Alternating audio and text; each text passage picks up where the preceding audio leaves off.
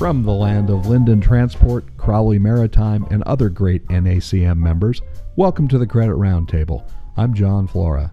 Our podcast is intended to help you, your company, and your credit department navigate many of the challenges we face in today's business world.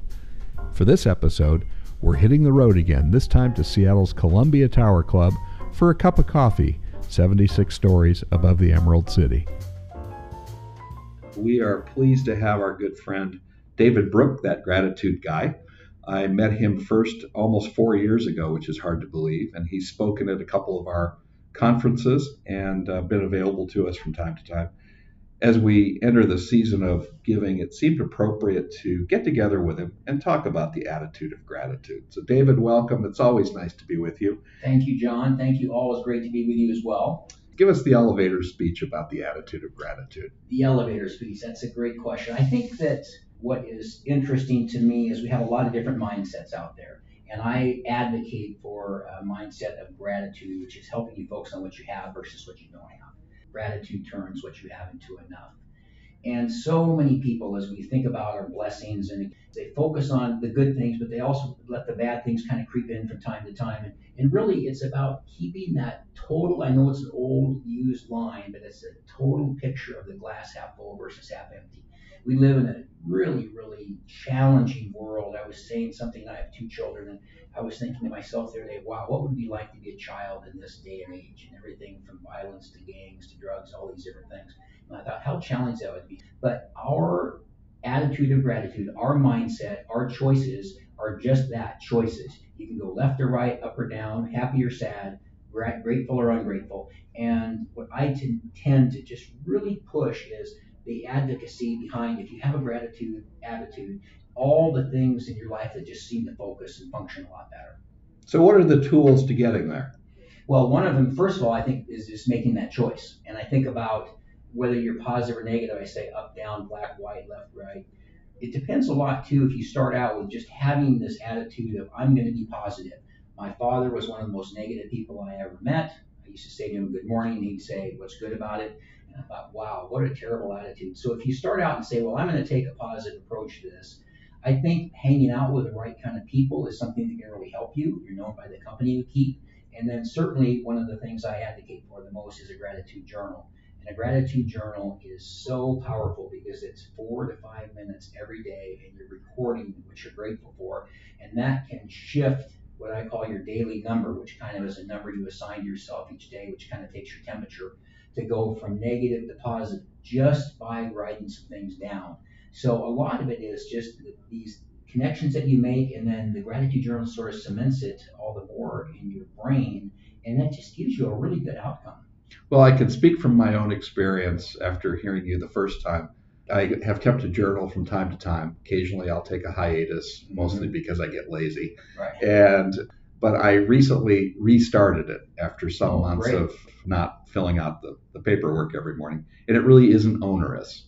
And I see an immediate change in how I look at things. And it's exciting. Only I can do it. Yep. I don't need anybody else to help me. And it's it's fun. So we're living in this divided time, be it politically, economically, generationally. How can we use a spirit of gratitude to move us from being cranky and there's a lot of us that are, yes. to being much more positive.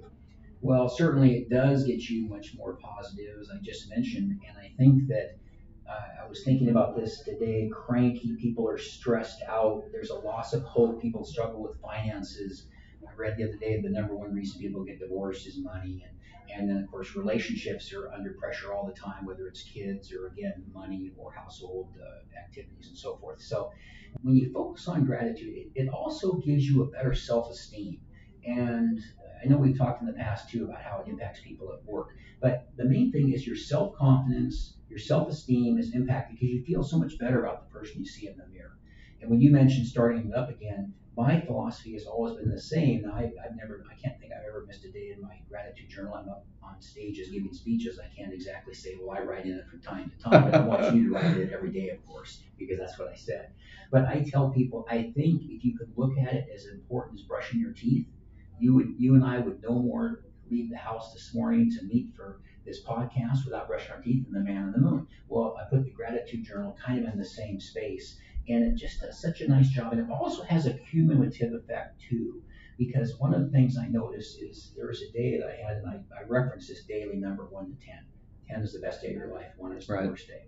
And so I'm usually an 8, 9, or 10 on most average days, but there was one day I was at a 2 and I was just depressed and I just had a really tough time. And I thought, well, you better practice what you preach. So I went and wrote my gratitude journal, went to Starbucks, wrote in it, and that bumped me up to about a four or five. And then I went to do a talk, and after the talk, this young lady came up to me crying, and she says, "You just changed my life." And it's happened a lot since then, but that was the first time it had happened. And I realized, oh my goodness, how fortunate am I? I'm actually changing somebody's life. And she said, I need two journals, one for my son and one for, uh, or actually three, one for two sons and one for her. And then she gave me a hug and off we went. And I went out and sat in my car before I drove back to Seattle and I realized I was a nine and a half. I'd gone from a two to a four to a five. I write in the gratitude journal from helping somebody telling me I changed their life to a nine, nine and a half.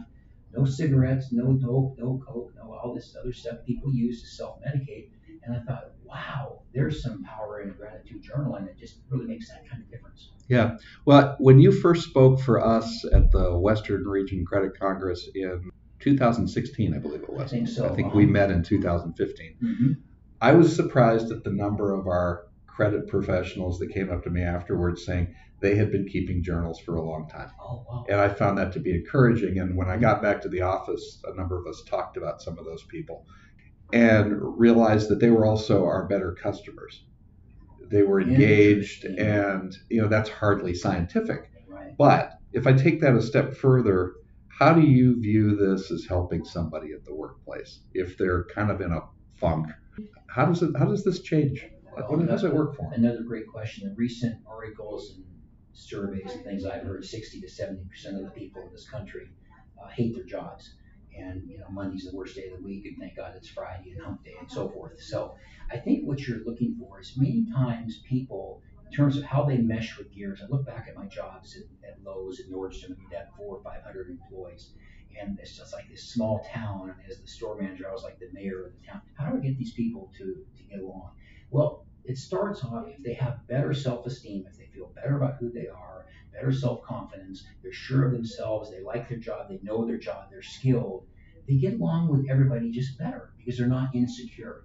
In fact, I think sometimes, and that's why gratitude, and especially a gratitude journal, really gets you centered on all these blessings, and it's almost hard not to have higher self-confidence or self-esteem if you're writing in the gratitude journal. And some people will say to me, I just write down three things every day I'm grateful for. That's fine too. But the journal even gives, gives you a chance to go into a little bit more detail.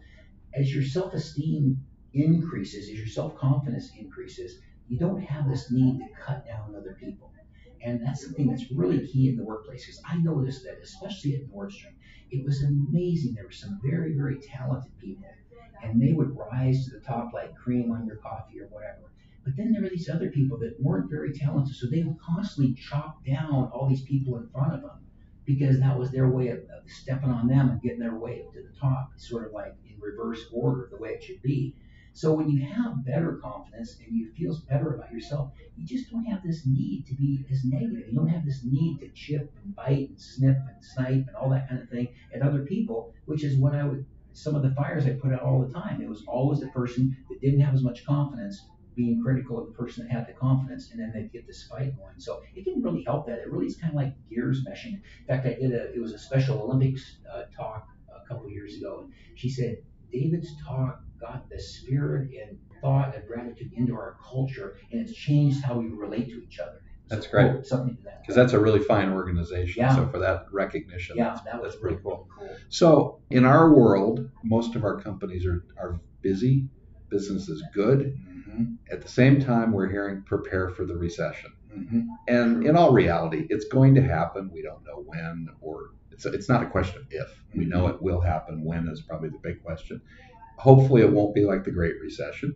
When you're sort of living with that in the back of your mind, how do we use the gratitude attitude Mm-hmm. to stay up, focused, and moving forward, even though we know that ultimately we're going to have to deal probably with some hard things? Yes, yes. And I think some of it is like preparing yourself for battle, I guess would be something I would think of. If you're going to go run a race, you start training and you start, you know, doing, you're doing a 10K, so you run a mile, then you run two miles and you start lifting weights and stretching and drinking lots of water. So I, I look at it kind of the same way, is you're kind of preparing yourself like the punch to the stomach. If I come up to John and I say, okay, now get ready for this, and I punch you in the stomach, you can tighten those stomach muscles, and it's not going to bother you that much. It's just going to kind of bounce off. But if I come around the corner and catch you unawares, I can knock the wind out of you. So to me, really preparing, if you focus on the gratitude, and one of the things I'll mention too about this gratitude journal, which is more than just a journal, there's a couple of things you mentioned those people from the talk that a lot of them have been journaling the thing I like about the one that, that I recommend and sell, the Brooke's Daily Gratitude Journal, is that there's a couple of little lines at the top that has the daily number we talked about, the day and the date. Then there's a couple lines that say what are the special occasions and current events, so you don't right. necessarily have to have a diary. There's that. Then there's everything you're grateful for. Then there's your little two little lines at the bottom that say what's the highlight of your day. So you're focused on the best thing that happened to you. If you write in the morning, it's yesterday. If you write in the afternoon, it's that same day. Then on the right is your gratitude intentions. And I don't talk about this as much, John, but I, I try to recommend this to people, especially if I talk to them, go back a second time. That right hand side of the journal is really you're talking about the future and preparing your brain. I am grateful for something that hasn't even happened yet, and you treat it as, as if it had just happened. And I always use the same example because it's just been unbelievable to me, and that is I would write on the right hand side back when you and I met uh, I'm so grateful to be speaking to hundreds of people. And then I noticed there was hundreds of people. And I'm so grateful to be speaking to thousands of people. And it hadn't even happened yet. Then it was thousands of people. Then it was tens of thousands of people. And then I did 10,000 soldiers down at Joint Base Civil Support. Then 100,000. And I had a video at 100,000. You know, and now it's I'm writing about I'm so grateful I'm reaching millions of people. And it just plants it in your brain. So in a sense, if we're facing a recession or anything that's going to be that punch to the stomach, it kind of gives you Teflon or sort of the armor to protect from getting the wind knocked out of you. And that's and it'll do it. It really will. Okay, in the last few minutes here, we are entering the season of giving when it's a natural thing to think about what we're grateful for. But sometimes we get caught up in all the gift wrap and all the stuff. What advice can you offer to make that reality happen where we take that moment of time and be grateful for all that we have because we really are a very fortunate population. Very fortunate. Uh, even if we're not Bill Gates or Jeff Bezos with all the billions, exactly. we still have a lot and we get wrapped up in, in everything. How do we take a moment to be grateful? I think that it comes down to as we go into the holiday season of giving, something that I heard the other day, and that was people remember, they don't remember things, they remember experiences and they remember how you make them feel, which we've heard that before. And so I think if I take, for instance, as a gratitude journal, and somebody says, Well, I'm going to give you a gratitude journal, John, this could really help you. You're going to think about me and that gift every day you write in it because that's what you do every single day as you go down there and write there. And if I say, I'm going to take you out to lunch and I want to tell you how much I appreciate your friendship, and then by the way, here's a gratitude journal too, versus here's a gift, here's a pair of shoes, here's a shirt or a sweater or something.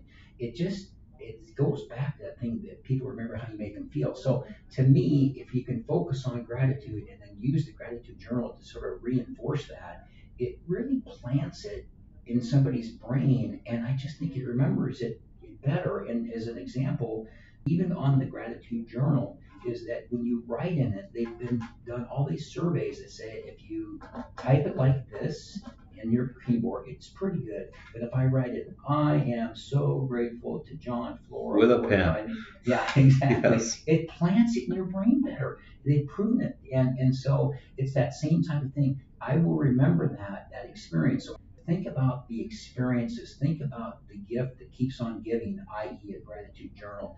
Uh, remembering that we went out to lunch, remembering the conversations that we had, versus just buying some other thing, wrapping it in a bow, and handing it to the person because people will remember that when you have an experience. They really will. That's great. And that's a good place to wrap this episode up. We will have a link in our December e news available on our website at uh, nacmbcs.org. And it'll take you to Amazon to buy the Gratitude Journal if you're so inclined.